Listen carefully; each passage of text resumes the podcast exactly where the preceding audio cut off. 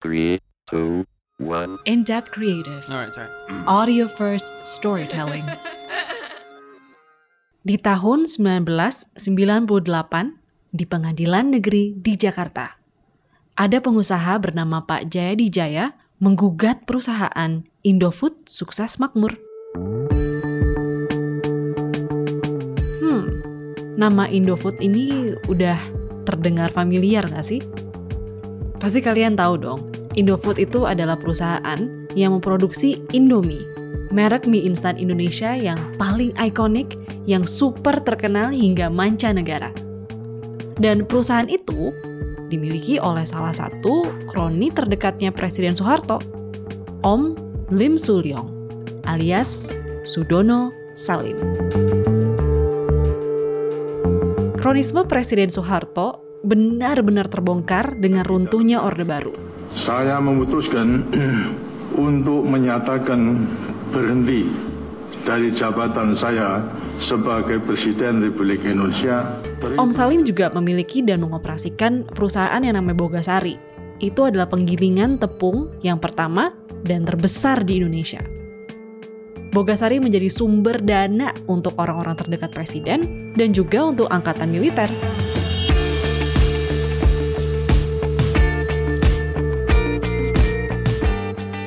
Gugatan dari Pak Jaya ini adalah salah satu kejadian yang langka banget di mana beliau mau menyampaikan keresahannya ke publik tentang merek Indomie yang beliau merasa milik beliau.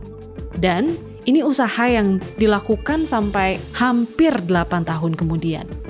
Mulai dari pengadilan negeri hingga Mahkamah Agung Indonesia.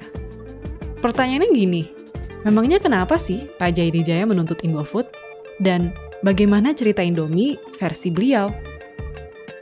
Sekarang, kita akan menelusuri kisah Indomie, brand yang membuat mie instan menjadi budaya makanan nasional. Dan cerita tentang seorang founder yang perlu diakui dalam sejarah. Saya Tanita, dan selamat datang di Panggung Pikiran.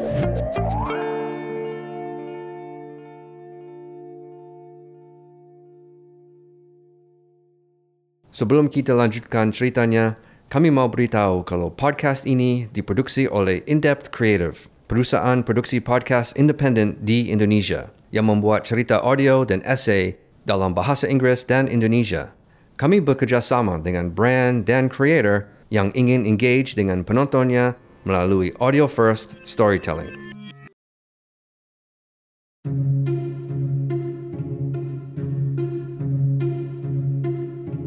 Di episode sebelumnya, kita sampai di tahun 1970-an, ketika pemerintah berusaha memperbanyak variasi makanan pokok nasional.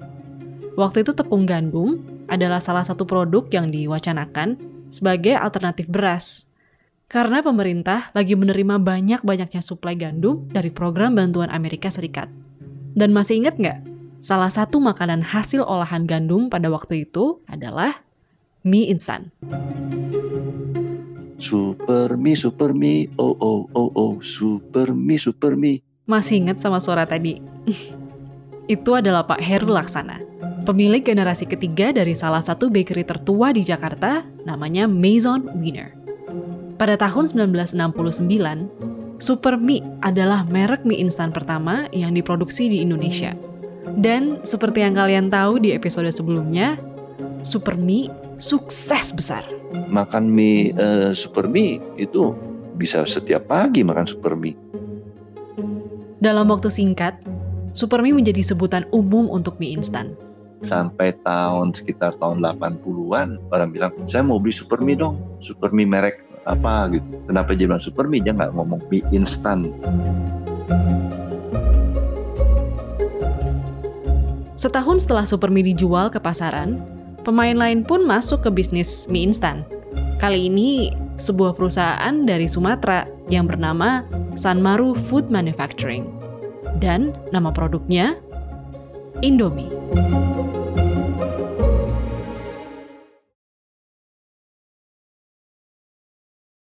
Indomie itu diciptakan oleh pengusaha Tionghoa Indonesia asal Medan yang bernama Pak Jayadi Jaya. Sebenarnya kami nggak tahu pasti seberapa luas sih jangkauan pasar Indomie pada waktu itu. Tapi yang jelas, pada tahun 1982, Pak Jayadi Jaya dengan Indominya adalah orang pertama yang menciptakan mie instan tanpa kuah. Atau yang sekarang kita sering bilang, Indomie goreng. Siapa sih sekarang yang belum pernah coba Indomie goreng?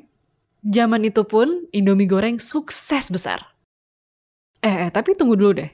Kok kita jarang banget ya dengar nama Pak Jayadi Jaya di media sebagai sosok di belakang merek Indomie? Well, ada alasan yang super menarik di balik itu. Dan alasannya sangat berhubungan dengan yang namanya tepung terigu.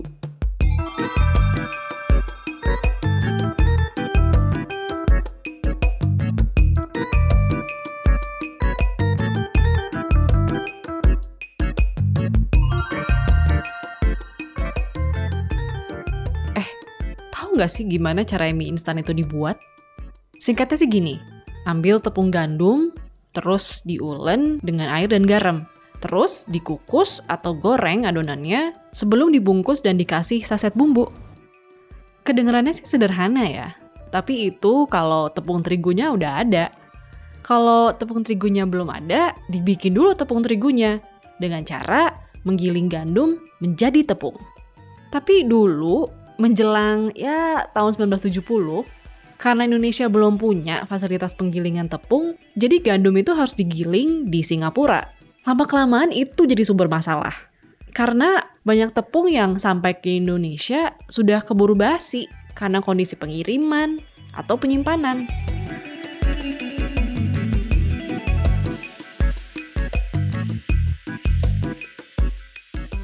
Pada waktu itu, Presiden Soeharto juga berambisi besar banget buat mengindustrialisasi Indonesia. Jadi, di tahun 1969, fasilitas penggilingan tepung di Indonesia mulai dibangun. Fasilitas ini dinamakan Bogasari, esensi dari makanan. The Bogasari Strategic Business Group operates two flour mills in Indonesia, which are among the largest integrated flour mill installations in the world, with combined capacity Salah satu tokoh utama yang dipercaya untuk mengurus dan juga mengembangkan Bogasari adalah teman dekatnya Presiden Soeharto dan juga rekan bisnisnya yang terpercaya tadi, Om Lim Su Leong, alias Sudono Salim. Sebenarnya ada banyak versi cerita tentang sejarah dibentuknya Bogasari. Richard Borsuk dan Nancy Chang menulis tentang hal ini di buku mereka yang berjudul Lim Su Leong dan Salim Group, Pilar Bisnis Soeharto, pada tahun 2014.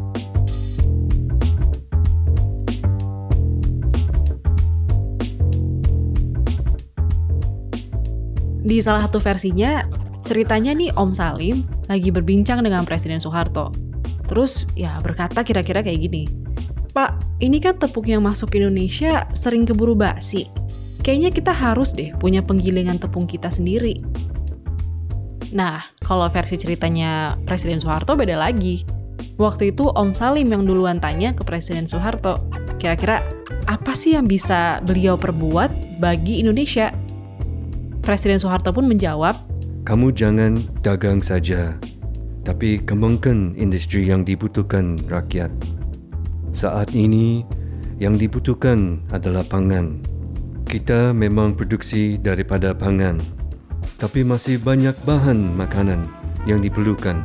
dan beliau juga bilang ke Om Salim kalau Begini saja, kamu dirikan pabrik tepung terigu karena pemerintah ada bantuan kredit daripada Amerika buat gandum. Kamu olah gandumnya saja, kendalinya tetap di bawah bulog.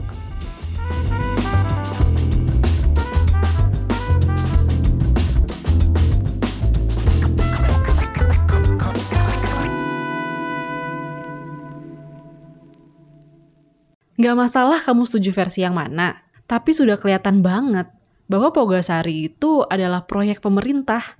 Lebih tepatnya, ini adalah proyeknya Presiden Soeharto. Dari mulai berdiri, Bogasari itu udah disubsidi besar-besaran oleh pemerintah dan diberikan monopoli penggilingan tepung oleh Bulog atau Badan Urusan Logistik. ini tuh luar biasa banget membantu. Salim technically didn't import the wheat. It was Salim pada dasarnya tidak mengimpor gandum. Karena yang boleh hanya Bulog. Tapi semua orang tahu kalau Salim mengimpor gandum untuk Bulog. Nah itu sekali lagi adalah Richard Borsuk, penulis dari buku super menarik yang berjudul Lim Sulyong dan Salim Group, Pilar Bisnis Soeharto. Oh ya, ngomong-ngomong, kalian harus coba banget baca bukunya.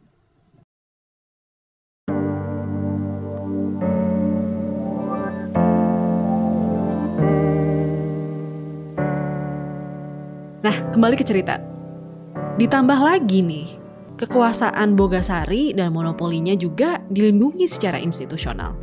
Di masa Presiden Soeharto, Bulog itu diberikan peran yang besar banget agar bisa menguasai impor gandum dan juga mengatur harganya. Semua orang lain itu dilarang untuk mengimpor tepung kecuali Bogasari, yang emang sudah ditunjuk oleh pemerintah sebagai penggiling gandum dan juga menerima gandumnya secara cuma-cuma. Dan gak ada yang bisa ngalahin Bogasari.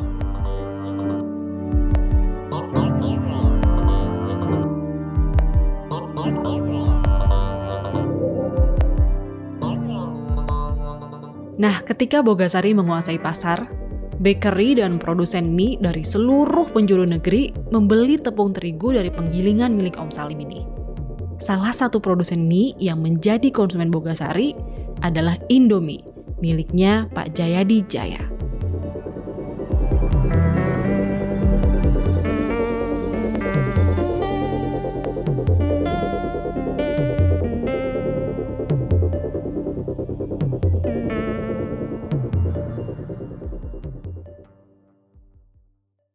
Hingga akhirnya kita sampai di akhir tahun 1970-an, waktu Indonesia lagi-lagi dilanda krisis pangan. Gagal panen dan kelaparan merebak. Beras yang ada nggak cukup untuk memberi makan militer dan PNS, apalagi masyarakat umum. Waktu itu, PNS dan tentara digaji sebagian dengan beras. Ini berarti Soeharto mulai khawatir kalau makanan tidak cukup. Kalian masih ingat dengan Mak Chung? Beliau mengingat hari-hari kelaparan di tahun 1970-an di Nusa Tenggara Timur. Orang juga ada susah setengah mati mau makan apa. Oh, memang tahun 60 lebih sampai tahun 70 terlalu susah. Presiden Soeharto berada dalam keadaan yang genting. Sekali lagi, beliau dipaksa buat memikirkan apa alternatif bagi beras. Tapi kali ini beliau memutuskan bahwa makanan berbasis tepung seperti roti dan mie gak bisa hanya diperkenalkan sebagai makanan alternatif aja, tapi harus dikampanyekan secara agresif. Kira-kira Presiden Soeharto minta tolong ke siapa ya? Udah mulai kelihatan gak sini arah ceritanya? Yap, beliau minta pertolongan ke Om Salim. And it's at a stage where Lim is now much more trusted. Kita sudah sampai di tahap di mana Lim sudah menjadi orang kepercayaan Soeharto yang dapat menyelesaikan banyak masalahnya. Jadi Soeharto berpikir, hmm, kita kan punya masalah dengan suplai makanan. Jadi ya, kita harus bawa lebih banyak gandum, giling jadi lebih banyak tepung, dan coba lihat apakah Salim bisa ikut bantu produksi. Uh. Jadi akhirnya di tahun 1980, Om Salim masuk ke dalam bisnis mie instan dengan nama Saringi. Esensinya mie.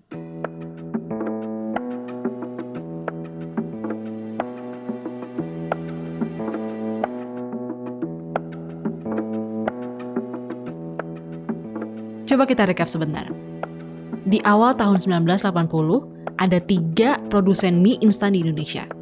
Super Mie dari 51 Sankyu yang merupakan mie instan pertama di Indonesia. Lalu ada Indomie dari Sanmaru Food Manufacturing yang dimiliki oleh Jayadi Jaya. Dan 9 tahun setelah Super Mie, ada Om Salim yang hadir dengan mie insannya sendiri yaitu Saringi.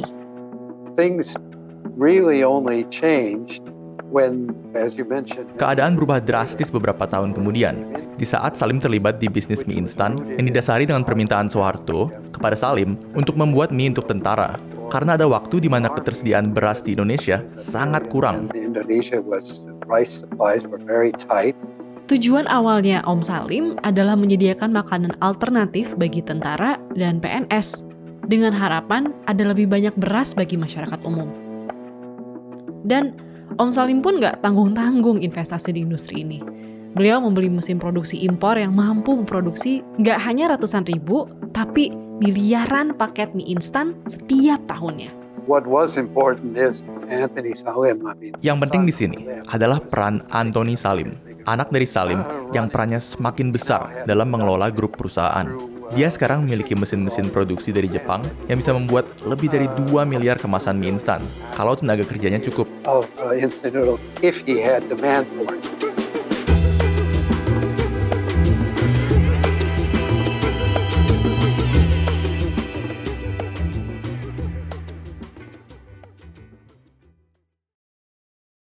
Eh, tapi beberapa tahun setelah Sarimi beredar di pasar, panen beras Indonesia justru membaik jauh melebihi perkiraan. The military angle or uh, consumption. Masalah suplai konsumsi untuk tenaga militer ternyata jadi tidak terlalu genting. Padahal hal itu yang mendorong Salim untuk memulai bisnis tersebut.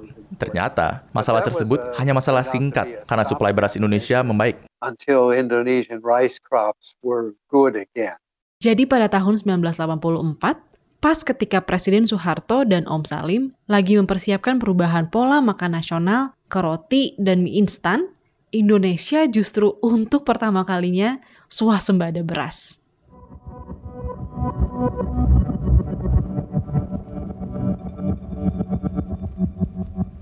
Kebayang nggak sih?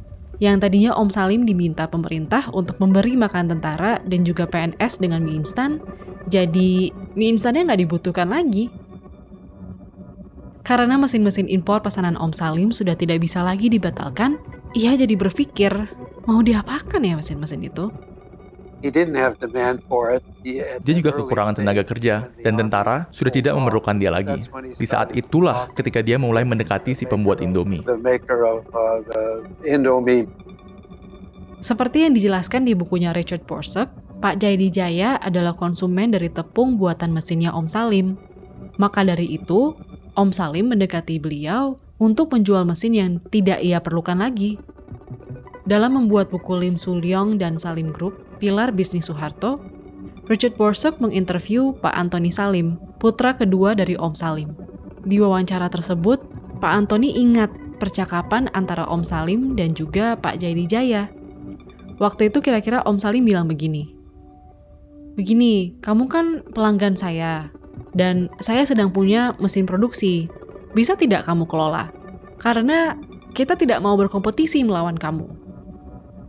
Dari percakapan itu, sebenarnya sudah jelas bahwa Om Salim tuh nggak mau masuk ke bisnis mie instan, kecuali karena diminta oleh pemerintah. Tapi waktu itu Pak Jaidi Jaya menolak. Dia tidak memerlukan semua mesin yang dijual oleh Om Salim. Inilah yang membuat Om Salim memulai kampanye pemasaran agresif untuk Sarimi dengan memotong harganya sedikit saja di bawah harganya Indomie. Nah, Pak Jaidi Jaya mulai nih merasakan tekanan dari Om Salim. Ia tidak bisa melawan Om Salim lebih lama lagi. That's when he started talking Itulah ketika dia berbicara dengan pembuat Indomie. Dan akhirnya, rencana Salim berjalan. Dia bertemu dengan pembuat Indomie dan tiba-tiba yang satu mengambil alih yang lainnya.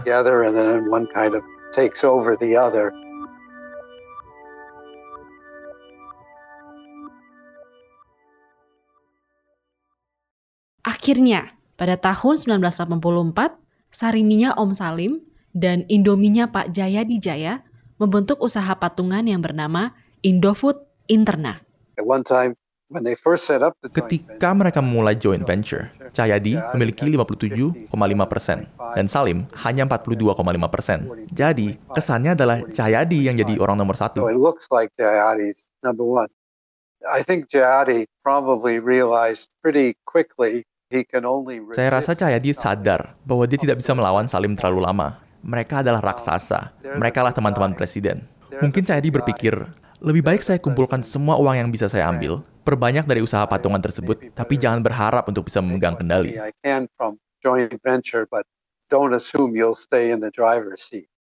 Kerjasama tersebut berhasil. Dan pada tahun 1986, bahkan merek besar Supermi pun diakuisisi juga oleh usaha patungan tersebut.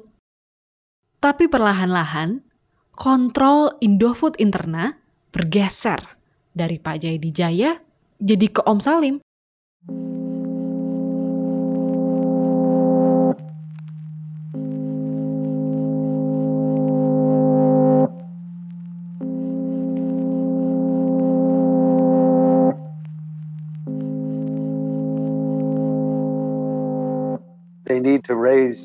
Cahyadi perlu mengumpulkan dana sementara.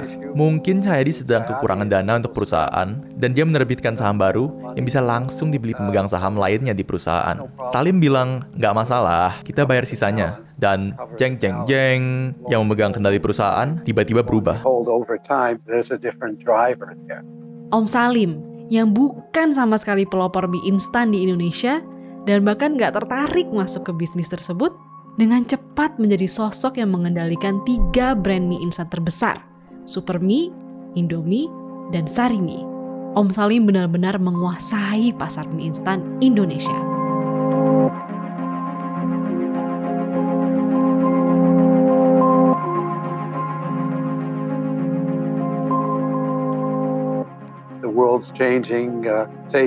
Dunia sedang berubah, Uh, selera juga berubah, dan ada kelas menengah baru sedang meningkat di Indonesia yang mungkin tertarik dengan makanan siap saji seperti ini, dan terjadilah titik temu. Tapi intinya, Salim merebut apa yang telah diraih oleh Cahyadi.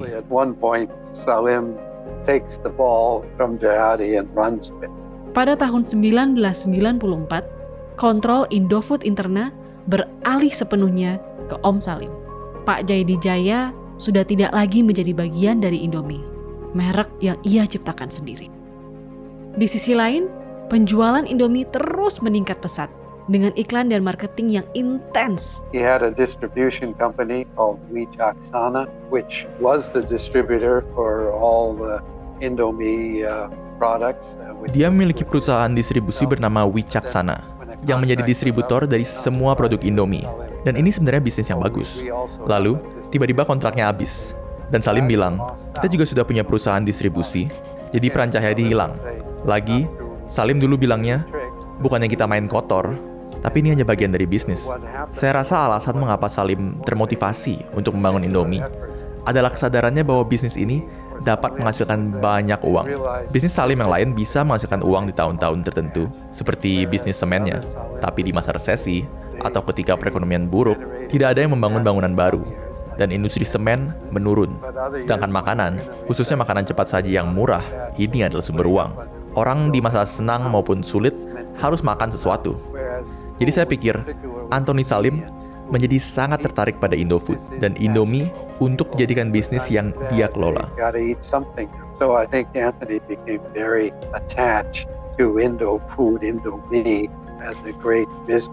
To run it right.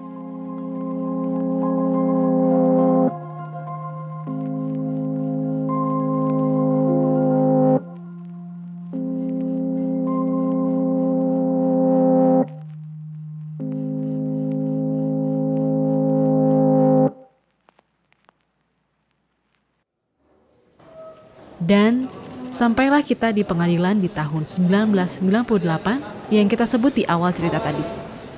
Kawan-kawan dinyatakan dibuka dan terbuka untuk umum. Ya. Saudara terdakwa, terdakwa satu.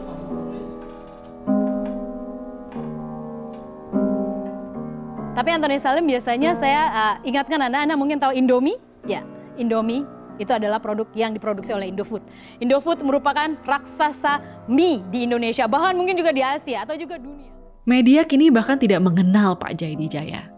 Pencipta Indomie, Indomie goreng, dan pemilik asli dari merek Indomie. Jayadi said that in the 90s, Di tahun 90-an, Cahyadi mengatakan bahwa ia dipaksa melakukan macam-macam. Tapi, dia tidak mengatakan hal itu di pertengahan 90-an. Dia hanya berani membawa tuduhan-tuduhan tersebut di pengadilan setelah Soeharto turun.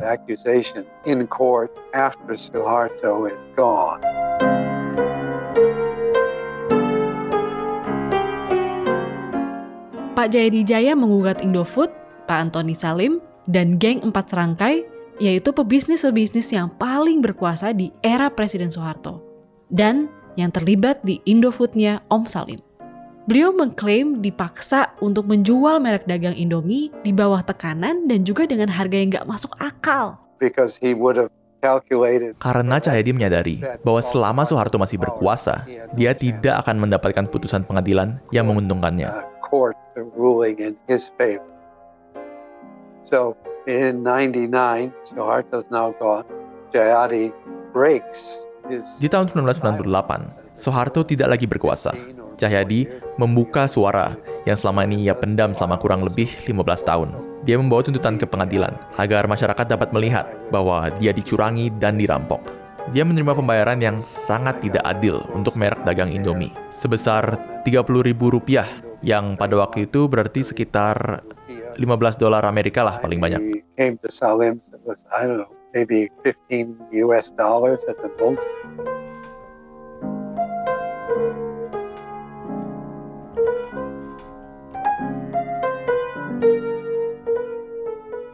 Dalam tahap peninjauan kembali atau judicial review di Mahkamah Agung, Pak Jayadi Jaya menekankan poin bahwa ia dipaksa menjual merek dagangnya dengan harga yang murah dan gak bisa berbuat banyak karena Om Sali berhubungan erat dengan rezim Presiden Soeharto.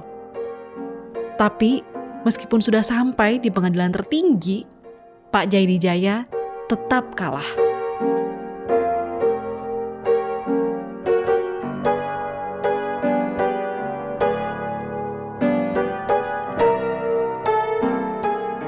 Setelah kekalahannya di pengadilan, Pak Jayadi Jaya tidak pernah lagi membicarakan masalah itu ke publik ataupun media. Seakan-akan beliau nggak pernah ada dari awal. Tim kami juga sudah mencoba mengirim banyak permintaan interview ke Pak Jayadi Jaya dalam pembuatan episode ini. Tapi sayangnya kita diberitahu oleh stafnya bahwa beliau tidak bisa memberi komentar sama sekali. Kami bertanya ke Richard Borsuk, apakah brand Indomie dari Pak Jayadi Jaya akan sebesar ini bila Om Salim tidak terlibat? They, they didn't have the connection. Mereka tidak mempunyai koneksi dan hubungan dengan penguasa seperti yang dimiliki oleh Salim. have the, the linkage uh, that Salim had. I, I think the, the capital was the main issue. Jayati probably had no choice in a sense, or would have judged. Saya pikir modal adalah permasalahan utama. Cahyadi mungkin tidak memiliki pilihan atau merasa tidak punya pilihan selain masuk ke usaha patungan dengan Salim. Meskipun dialah orang yang memulai brand ini, dia memerlukan modal untuk meluaskan pasar. Dan Salim punya koneksi dan modal.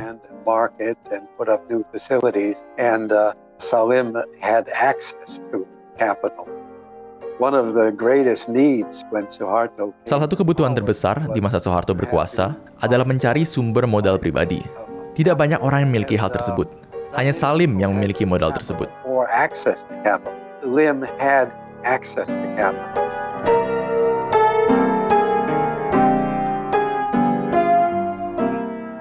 So Jayadi,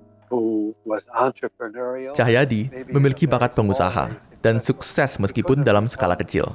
Dia tidak bisa berhasil luar biasa tanpa pihak yang memiliki modal dan akses ke modal. Dan datanglah Salim yang sebelumnya tidak pernah tertarik terjun ke bisnis mie instan. Lalu dia berpikir, hmm, tepung kita bisa jadi untung nih kalau dijadiin mie instan.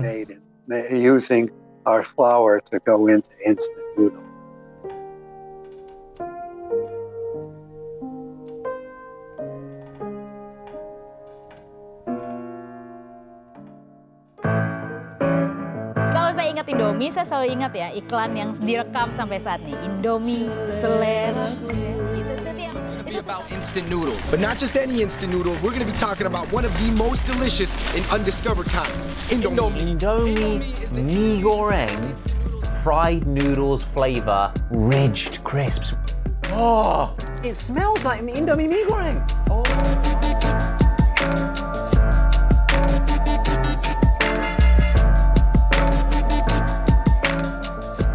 Episode ini diproduksi oleh In-Depth Creative, Audio First Storytelling.